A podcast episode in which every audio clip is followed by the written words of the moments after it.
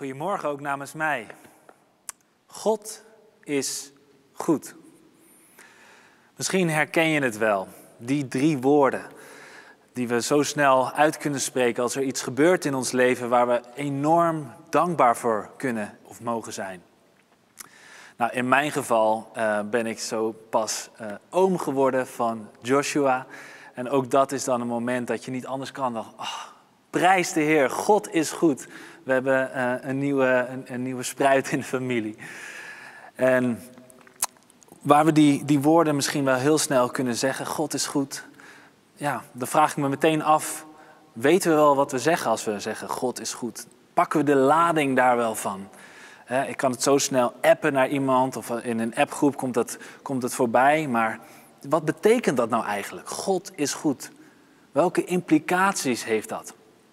Daar wil ik vanochtend uh, met jullie over nadenken. Het is nu nog avond, maar morgenochtend wordt het uitgezonden. En voordat we daarover na kunnen denken, over de vrucht van de geest, wil ik eigenlijk beginnen bij het begin.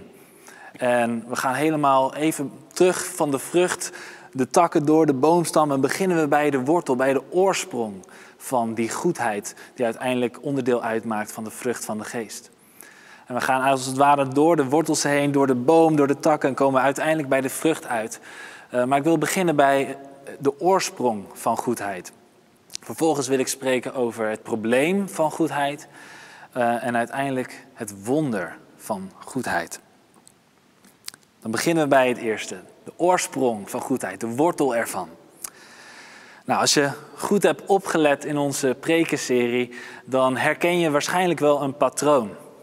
We beginnen heel vaak, voordat we spreken over uh, hoe wij zelf liefdevoller kunnen zijn, of geduldiger kunnen zijn, of meer vrede kunnen ervaren, beginnen we eigenlijk altijd hoe die eigenschap onderdeel uitmaakt van God zelf. We beginnen bij God zelf. We beginnen niet bij de vrucht, nee, we beginnen bij de geest.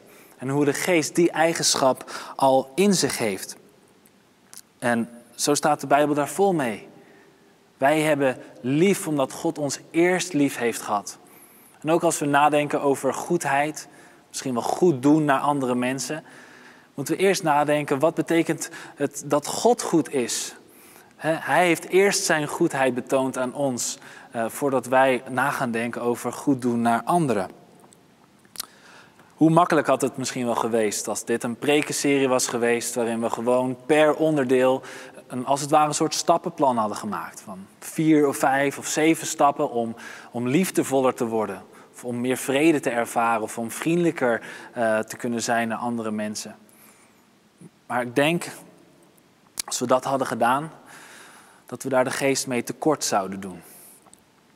Dan hebben we een te klein beeld van wie hij is. Het is namelijk zo dat de geest zijn bestaansrecht niet vindt om ons mensen betere mensen te maken. Nee, het is andersom.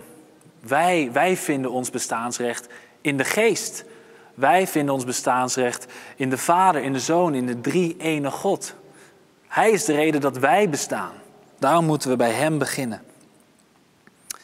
En als we dan spreken over goedheid, en als we dan spreken over de geest, dan moet ik eigenlijk meteen denken aan het tweede vers van de Bijbel, Genesis 1, vers 2, waarin wordt gesproken over de geest en hoe hij over het water zweefde. En toen de aarde nog, nog woest en, en, en ledig was, zoals de oude vertaling dat zegt. Het was doods. Maar God schiep licht. En hij zag dat het goed was. En vervolgens ging hij door met de schepping en, en hij, hij, scheidde het water van het land. En de gewassen kwamen op het land, de dieren, uh, de vis in de zee, de vogels in de lucht en uiteindelijk de mensen op aarde. En uiteindelijk zag hij dat het zeer goed was. Dat is de geest waar we over spreken. De God die alles heeft gemaakt, hemel en aarde. Ik weet niet hoe het, hoe het met jou zit, maar ik kan regelmatig kijken naar de natuur of kijken naar foto's of een video, een natuurfilm.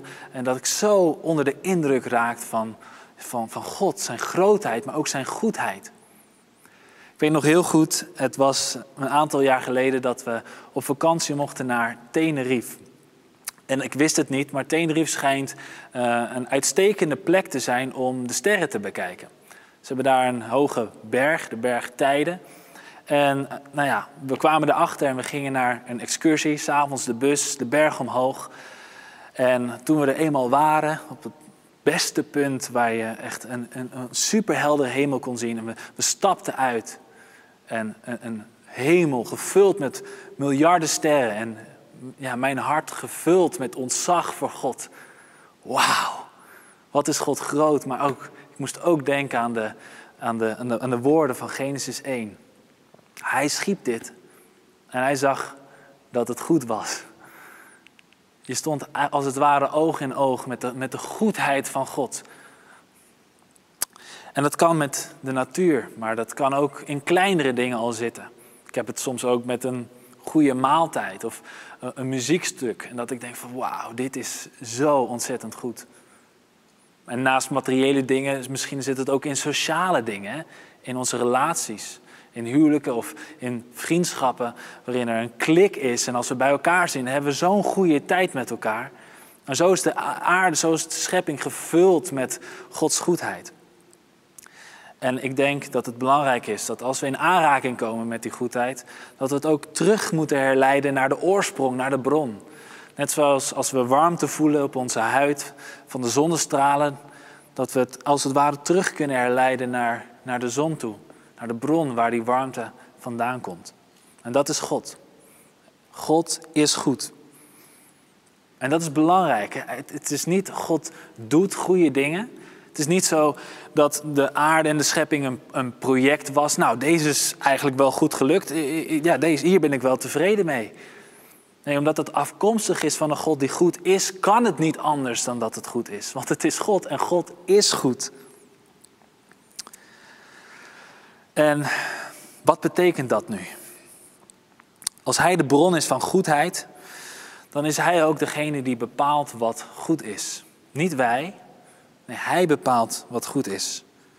En ons beeld van wat goed is, hoeft niet per se overeen te komen met Zijn beeld van wat goed is. Dat betekent dus ook dat niet alles wat goed voelt ook daadwerkelijk goed is. Nou, ik kom daar dagelijks mee in aanraking als ik mijn uh, kleine zoon probeert te leren om groenten te eten die goed voor hem zijn. Hij vindt het niet goed voelen. En dingen die wel goed voelen, lekker eten, koekjes, suiker, ja, die zijn niet zo goed voor hem. Dus dat moet zeker met mate gegeten worden. Zo kan ons beeld van wat goed is en wat goed voelt, hoeft niet per se overeen te komen met uh, wat ook uh, daadwerkelijk goed is volgens God. En um, uh, het woord goedheid, agathos of agat, uh, agathosune, is eigenlijk het woord wat, uh, wat gebruikt wordt in gelaten. Ja, dat beschrijft dat ook een beetje, die goedheid. En het is een heel uniek woord, het is een heel zeldzaam woord. een woord die eigenlijk alleen voorkomt in de Bijbel. En dat kan op heel veel manieren vertaald worden. Alles wat goed is, alles wat waar is, wat recht is, kan bijvoorbeeld ook vertaald worden met vrijgevigheid, goed doen aan anderen, liefde betonen aan anderen. En een van de weinige andere keren dat Paulus dit woord gebruikt, is in Efeze 5, uh, vers 8 en 9. En dat wil ik graag met jullie lezen. Daar zegt hij: Ga de weg van de kinderen van het licht. Het licht brengt goedheid voort en gerechtigheid en waarheid. Goedheid heeft dus alles te maken met waarheid. En dat je je leven inricht uh, naar de waarheid van God. Hij heeft de schepping gemaakt op een bepaalde manier, met een bepaalde bedoeling. En voegen wij ons daarnaar, naar die bedoeling die recht is, of maken wij het als het ware krom? Voegen wij ons naar de waarheid of bepalen wij zelf wat waar is? Dat klinkt een beetje gek, maar dat is een idee wat in onze samenleving erg gebruikelijk is. Uh, dat noem je wel postmodern gedachtegoed, dat iedereen zijn of haar eigen waarheid mag creëren. Het is leuk hoor dat, dat jij dat vindt en dat jij dat zo beleeft, maar ja, dat, is, dat is jouw waarheid. En, en daar hoef ik niet aan te zitten en ik heb dan weer mijn eigen waarheid. Maar dat is niet hoe de Bijbel spreekt over waarheid. De Bijbel spreekt over een absolute waarheid. En die is alleen te vinden in God zelf. En die is dus verbonden met goedheid en rechtvaardigheid. Want de waarheid, God zelf, dat is goed. En daar zit meteen het probleem. En dan komen we bij het tweede punt. Het probleem van goedheid. Heel wat jaren geleden hoorde ik een Amerikaanse spreker iets zeggen wat heel veel indruk op mij heeft gemaakt. Hij vroeg de vraag: Weet je wat het meest angstaanjagende is van God? Wat je over God zou kunnen zeggen? De meest angstaanjagende eigenschap van God, dat is namelijk dat God goed is. Wat? Dat hij goed is? Verstond ik het goed? Uh, dat is toch juist iets waar we ons juist over kunnen verheugen. God is goed. Dat is, uh, ja, dat is toch positief. Dat moet ons toch vervullen met blijdschap. Waarom is dat angstaanjagend? Hij zei wat het angstaanjagend maakt, is dat wij niet goed zijn. En wat doet God met zo iemand als ik? Iemand die niet goed is. Mag ik überhaupt wel in zijn aanwezigheid komen als hij goed is en ik niet? Hoe, kun, hoe, hoe matcht dat met elkaar? Dit is een rode draad door de Bijbel heen. Toen God alles schiep, zag hij ook dat alles zeer goed was. Maar als je een paar hoofdstukken verder leest, dan zie je ook hoe alles wat recht was, krom is gemaakt. En hoe het slechte de wereld is, in is gekomen door de zonde van de eerste mensen, Adam en Eva. En wanneer het echt tot ons doordringt met wie we te maken hebben, met een goede God, dan houdt dat ons een harde spiegel voor. Daar lezen we ook over in Romeinen, Romeinen 3, vers 12. Daar verwoordt Paulus het als volgt. Allen hebben zich afgewend. Heel de mensheid is verdorven. Er is geen mens die nog het goede doet. Er is er zelfs niet één. Dus ik ook niet. En dat is het probleem. En ik weet niet hoe, hoe dit op jou overkomt. Het, klinkt een beetje zwaar, daar houden we niet van. Um, en als ik eerlijk ben, voel ik me ook niet altijd een slecht mens. Ik wil het best geloven, ik lees het in zijn woord, maar het matcht niet altijd met mijn ervaring. Ik weet niet hoe, hoe, hoe dat voor jou geldt, maar soms bekruipt mij ook de gedachte van ja, ik ben natuurlijk, ik ben slecht en ik, ik weet het allemaal, maar zo slecht toch ook weer niet. Ik bedoel, het, valt ergens toch ook wel. Er zijn toch veel slechtere mensen. Ik heb laatst een boek gelezen van Rutger Bregman. Ik weet niet of dat bekend is. Um, hij staat al een hele tijd uh, in de top 5 uh, van de non-fictie afdeling als je de boekenwinkel inloopt. Uh, en de titel van het boek is De meeste mensen deugen. Nou, toen ik voor het eerst die titel zag in de boekenwinkel, toen intrigeerde dat mij enorm. Want ik dacht in eerste instantie, als de meeste mensen deugen, ja, dan, wat is dan de noodzaak voor een redder? Wat is dan uh, het bestaansrecht van het evangelie. Wat voor goed nieuws hebben we dan te brengen als we dat goede nieuws helemaal niet nodig hebben? Want eigenlijk deugen we wel. Dus ik kocht het boek, ik heb het gelezen. En nou, in zijn boek bepleit hij dat het hele negatieve mensbeeld wat we hebben, dat, dat, ja, uh, dat het eigenlijk helemaal niet hoeft. Um, dat het eigenlijk wel meevalt. En dat er heel veel goeds in de mens zit en dat we heel graag de nadruk willen leggen op het negatieve. En dan noemt hij, uh, om een voorbeeld te noemen, uh, in de Tweede Wereldoorlog, dan, dan had je een bombardement. En dan nou, chaos, uh, chaos in de stad, één grote ramp. En het idee wat we hebben is dat dan ons egoïsme naar boven komt. En dat we dan in eerste instantie aan onszelf denken en ons eigen hachje willen redden. Maar hij zegt, er zijn zoveel verhalen, juist in dat soort momenten, dat, dat mensen goedheid betonen aan elkaar. En juist de ander voor ogen hebben, en, en zelfs ten koste van zichzelf. Voor elkaar gaan zorgen, er voor elkaar zijn.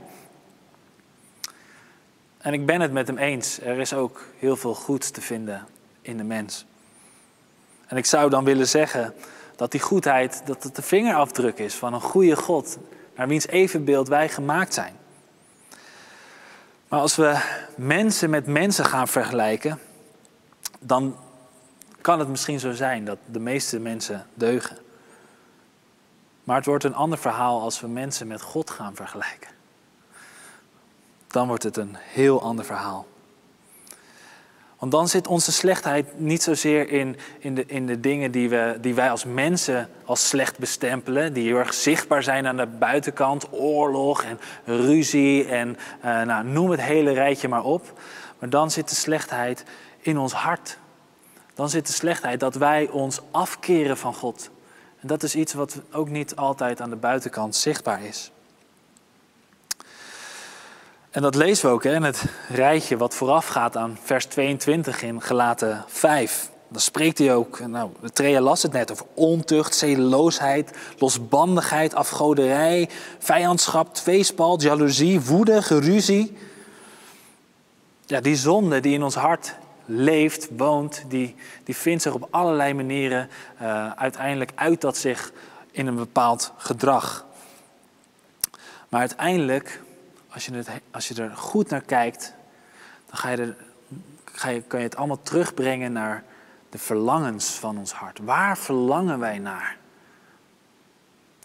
En ik geloof dat als wij naar iets anders verlangen dan God, als ons verlangen wordt verstoord, dan, dan zondigen we. Daar zijn we niet voor gemaakt. We zijn gemaakt voor Hem, om Hem te eren. En als het iets anders is wat we willen, wat we nadragen, wat we meer willen dan Hij, dan zondigen we al, dan vallen we al tekort. Zo goed is Hij. Zoveel vraagt Hij eigenlijk van ons.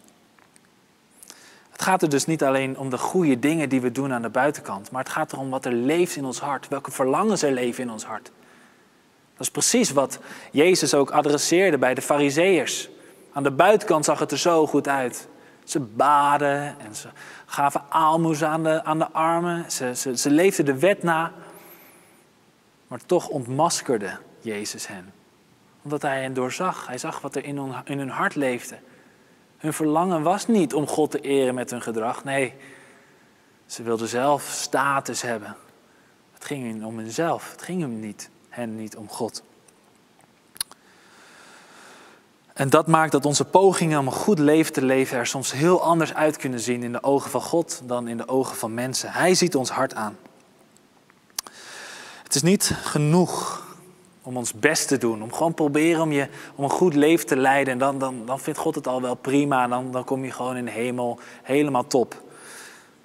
En dat lezen we ook in Lucas 10, als een wetgeleerde eigenlijk precies die vraag stelt aan Jezus. Laten we lezen. Die wetgeleerde zegt: Meester, wat moet ik doen om deel te krijgen aan het eeuwige leven? Jezus antwoordde: Wat staat er in de wet geschreven? Wat leest u daar? De wetgeleerde antwoordde: Heb de Heer uw God lief met heel uw hart en heel uw ziel, met heel uw kracht met heel uw verstand en uw naaste als uzelf. U hebt juist geantwoord, zei Jezus tegen hem. Doe dat en u zult leven. Doe dat en u zult leven. Hoe zou zo'n leven eruit zien als je daar gehoor aan geeft? Als je de Heer lief hebt boven alles en daarnaast als jezelf. Nou, om je een, een indruk daarvan te geven, kwam ik uh, een bijzonder lijstje tegen. Misschien heb je er wel eens van gehoord, van de Methodisten. Dat is een opwekkingsbeweging uit de 18e eeuw. Uh, John en Charles Wesley, George Whitfield, dat zijn bekende namen van die beweging. En al snel had deze groep gelovigen, deze opwekkingsbeweging, um, zij, zij hadden een lijst gemaakt met een aantal vragen. En die vragen gebruikten zij om hun dag te evalueren. Dus om terug te kijken op de dag en na te denken: in hoeverre heb ik uh, gehoor gegeven aan die wet, aan dat wat Jezus van ons vraagt. Om Hem echt lief te hebben met alles wat we hebben en de naaste als jezelf. Nou, ik wil even een aantal van die vragen uh, met jullie uh, lezen, omdat het um, iets laat zien van hoe, hoe, hoe, hoe, zou dat eruit kunnen zien als we daar echt uh, gehoor aan geven aan die wet. Dus zij vroegen het volgende aan het eind van hun dag. Vraag 1. Heb ik vandaag niet alleen gebeden, maar was ik ook vurig in mijn bidden? Vraag 2. Ben ik me vandaag bewust geweest, bewust geweest van Gods aanwezigheid minstens één keer per uur, waar ik ook direct tot Hem heb gesproken? Vraag 3. Heb ik voor iedere bewuste actie of daad overwogen hoe ik datgene kon doen ter ere van Gods glorie? Volgende. Heb ik God gedankt na al het goede wat ik vandaag mocht ontvangen of ervaren? Heb ik hoogmoedige gedachten vermeden en heb ik mezelf niet met andere mensen proberen te vergelijken? Heb ik iedere keer als ik fout zat het snel en ook blijmoedig toegegeven? Moeilijke. Heb ik onvriendelijk gedacht of gesproken over iemand anders? Heb ik geprobeerd in ieder gesprek mij te richten op de behoeftes van de ander? Of was ik alleen maar gericht op mezelf? Heb ik de waarheid verdraaid om mezelf beter voor te doen dan dat ik ben? Waren de woorden die ik sprak vandaag eerlijk, weinig, wijs en gepast, kalm en warm? Heb ik angstige gedachten gekoesterd? Of heb ik die allemaal op Christus geworpen? Helemaal vertrouwend op Hem. En laatste, heb ik mijn tijd verdaan? Of heb ik het goed gebruikt voor de mensen om mij heen of ter bevordering van mijn eigen geestelijke groei? Nou, dit is nog niet eens de hele lijst. Maar dit is ongeveer hoe het eruit zou zien als je dit allemaal, als je hier allemaal ja op zou kunnen zeggen, hoe het eruit zou zien om gehoor te geven aan de wet. En dat laat ook zien hoe wij zo ernstig tekortschieten. Maar dan komen we meteen bij het laatste punt. Het wonder. Het wonder van goedheid. Het wonder van zijn goedheid is dat we zijn goedheid niet alleen niet kunnen verdragen, maar dat we tegelijkertijd niet zonder zijn goedheid kunnen. Het is vanwege zijn goedheid dat we niet in zijn aanwezigheid kunnen komen, omdat we slecht zijn. Maar het is vanwege diezelfde goedheid dat, goedheid dat hij ons in Christus Jezus heeft gerechtvaardigd. We zijn zo afhankelijk van zijn goedheid. We kunnen het aan de ene kant niet verdragen en aan de andere kant zijn we er zo van afhankelijk en kunnen we, er, kunnen we niet zonder. En dat lezen we als we verder lezen in Romeinen 3, waar we eerst lazen dat, dat niemand, uh, dat iedereen verdorven is. Maar als we doorlezen, dan lezen we in uh, vers 25 en 26. Hij is door God aangewezen, Jezus, om door zijn dood het middel tot verzoening te zijn voor wie gelooft. Hiermee bewijst God dat Hij rechtvaardig is. Want in Zijn verdraagzaamheid, in Zijn goedheid, gaat Hij voorbij aan de zonden die in het verleden zijn begaan. Hij wil ons nu in deze tijd Zijn gerechtigheid bewijzen. Hij laat ons zien dat Hij rechtvaardig is door iedereen vrij te spreken die in Jezus gelooft. Wauw. Dit is het evangelie. Dit is het wonder van zijn goedheid. Dit is goed nieuws. En ik geloof dat we dit moeten blijven horen.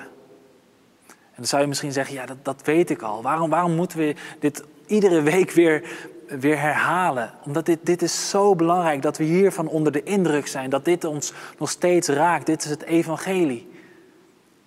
En als het probleem van onze slechtheid gewoon een abstract probleem is. Zo van, ja, ik, ik heb het gelezen dat, dat ik slecht ben. En, en, maar ik heb ook gelezen dat er een oplossing voor was ja, dan wordt het gewoon een abstract probleem met een abstracte oplossing. Oké, ik, ben, ik ben zondig en God heeft mij vergeven. Ik, ik ben slecht, maar, maar God heeft alles weer goed gemaakt. En nu kunnen we weer verder. Hoe reëel is het? Hoe tastbaar is het uh, waar de goedheid in ons leven ontbreekt? Want ik denk hoe reëel en hoe tastbaar dat is, maakt ook uit hoe reëel en tastbaar Gods goedheid is dat Hij ons vergeven heeft. Die twee hangen met elkaar samen. Hoe erg zijn we onder de indruk van Hem, van Jezus? En als we dan belanden bij de vrucht van de geest en we zouden ze allemaal opnoemen, dan is het Zijn geest die ons in eerste instantie wijst op Jezus Christus. Hij heeft Zijn liefde aan ons betoond. Hij heeft Zijn leven aan ons gegeven. Hij ging de weg van het kruis voor de vreugde die voor hem lag. Hij heeft vrede gebracht tussen mij, tussen ons en God de Vader. Hij is geduldig geweest met ons. Hij is voor ons gestorven, voor zondaars die, hem eigenlijk hebben verworpen. Hij was zo geduldig, hij is zo geduldig met jou en met mij. En hij heeft zijn goedheid bewezen aan ons. Wij hebben hem eigenlijk niks te bieden geen goed leven, we kunnen ons best doen. Dat is waar hele, heel de gelaten brief ook over gaat. Wij kunnen onszelf niet redden door een goed leven te leiden. Wij kunnen niet proberen heel hard die wet na te leven en dan te zeggen: God, nu mag ik in de hemel komen. Nu accepteert u mij. Nee, het is puur en alleen zijn genade. En het is die context van gelaten waar ook de vrucht van de geest weer naar voren komt. Ook dat is genade, dat de geest dat wil bewerken in jou en mijn leven. En als wij meer en meer onder de indruk raken van wie hij is, als we meer en meer van hem gaan houden, van zijn goedheid, de goede God die hij is, dan kan het niet anders dat dat zich vertaalt, dat we ook gaan houden van goedheid zelf. Want hij is goed. We kunnen niet anders dan een afkeer krijgen van het slechte, van het kwade, als we tegelijkertijd zeggen van God te houden. Die twee gaan niet met elkaar samen. Ik wil nog één keer met jullie Efeze 5 lezen. Daar staat, eens was u in de duisternis, maar nu bent u licht door uw bestaan in de Heer. Ga de weg van de kinderen van het licht. Het licht brengt goedheid voort en gerechtigheid en waarheid.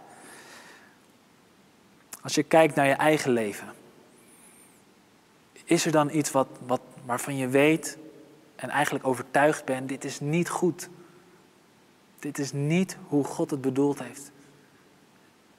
En misschien ken je het wel, dat diezelfde Heilige Geest dat soms uh, kan openbaren, dat het, dat het drukt. Ik voel het soms van binnen van, ach Remy, het is, het is niet oké, je moet daar wat mee doen. En dan heb ik een keuze. Ik kan, kan wegkijken kan de confrontatie aangaan. Ik kan het proberen goed te praten of kan het beestje bij de naam noemen. En dat, dat is denk ik het verschil. Als we God wetmatig benaderen, dan zeggen we eigenlijk al snel, dan, dan, schieten we al snel in de verdediging. Dan zeggen we, ik heb toch niks fout gedaan? Het is toch niet erg wat ik doe? Ik heb toch geen, geen, de, de wet niet overtreden? Nou, misschien niet. Maar is het echt goed? Probeer je een beetje binnen de lijntjes te blijven? Of probeer God lief te hebben? Dat is ook het verschil. Hij, het is geen gebod wat Jezus zei toen hij de wet als het ware samen had gevat. Nee, het was een opdracht. Heb God lief met alles wat je hebt en je naaste als jezelf. Dat is iets wat je kan doen. Het is niet een gebod van, oh, oh dit, dit, dit mag niet en dat mag niet. Oké, prima, ik hou me aan de regels en dan blijf ik een beetje binnen de lijntjes. Nee, omdat je God zo lief hebt, wil je niet anders. Net zoals als je getrouwd bent met iemand, kan je ook zeggen, ja, ik blijf toch binnen de lijntjes. Ik, ik, ik, ik ga niet vreemd, ik, ik, ik kijk niet naar andere vrouwen. Ja, maar als ik mijn vrouw geen aandacht geef, dan verpietert ze. En dat doe ik niet zodat ik kan zeggen, ja, ik heb toch niks fout gedaan. Nee, ik doe dat omdat ik van haar hou.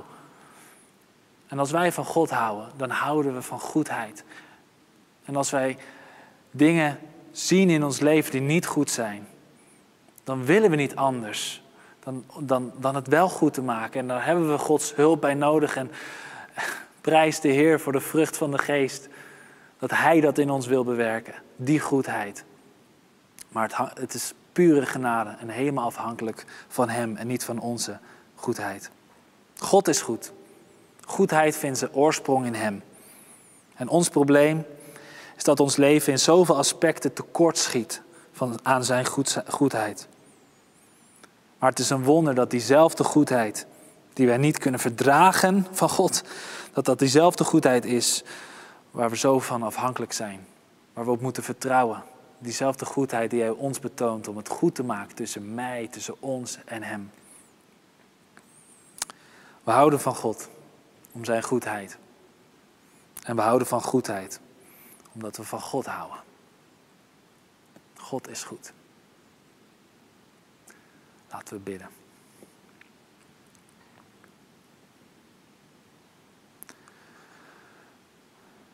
Heer, we willen u zo danken, Heer, voor uw goedheid. Wat is het heerlijk om uw goedheid te aanschouwen. Heer, waar u zo goed bent en we zien het in de natuur, in uw goede schepping die u gemaakt heeft. U zag het en het was zeer goed. Heer, maar als we goed tot ons door laten dringen, die drie woorden, God is goed, wat dat betekent voor ons. Heer, dan komen we al snel tot de conclusie dat wij niet goed zijn en dat dat een probleem is. Dat er een afstand is tussen ons en u. Dat wat u van ons verlangt, uw wet, dat dat zo hoog gegrepen is, daar, kunnen wij niet aan tippen. Heer, we verlangen naar zoveel dingen die anders zijn die, dan u zelf. We verlangen dat het ons iets kan geven, maar alles wat we nodig hebben vinden we in u. En vergeef ons, Heer, waar we het zoeken op andere plekken. Heer, maar het is een wonder, Heer, dat u in uw goedheid het ook goed heeft gemaakt met ons. Wat een wonder. Daar willen we van onder de indruk raken van wie u bent, Jezus Christus. U bent zo goed. En help ons door uw geest dat die goedheid door mag werken in ons leven, dat het een vrucht mag dragen, dat het zichtbaar mag zijn dat wij dagelijkse omgang hebben met de goede God. Omdat we het goede gaan liefhebben en een afkeer gaan krijgen tegen het slechte, tegen het kwade, tegen datgene wat niet goed is. En open onze ogen daarvoor. Ja, als we misschien ermee aan de slag moeten en geef ons kracht daarvoor om dat te doen. We zijn zo afhankelijk van u, van u en uw geest. Wilt u het ons geven? Kom ons zo tegemoet. We prijzen uw naam. U bent goed. Amen. Fijn dat je hebt geluisterd. Voor meer informatie ga naar www.meerkerk.nl.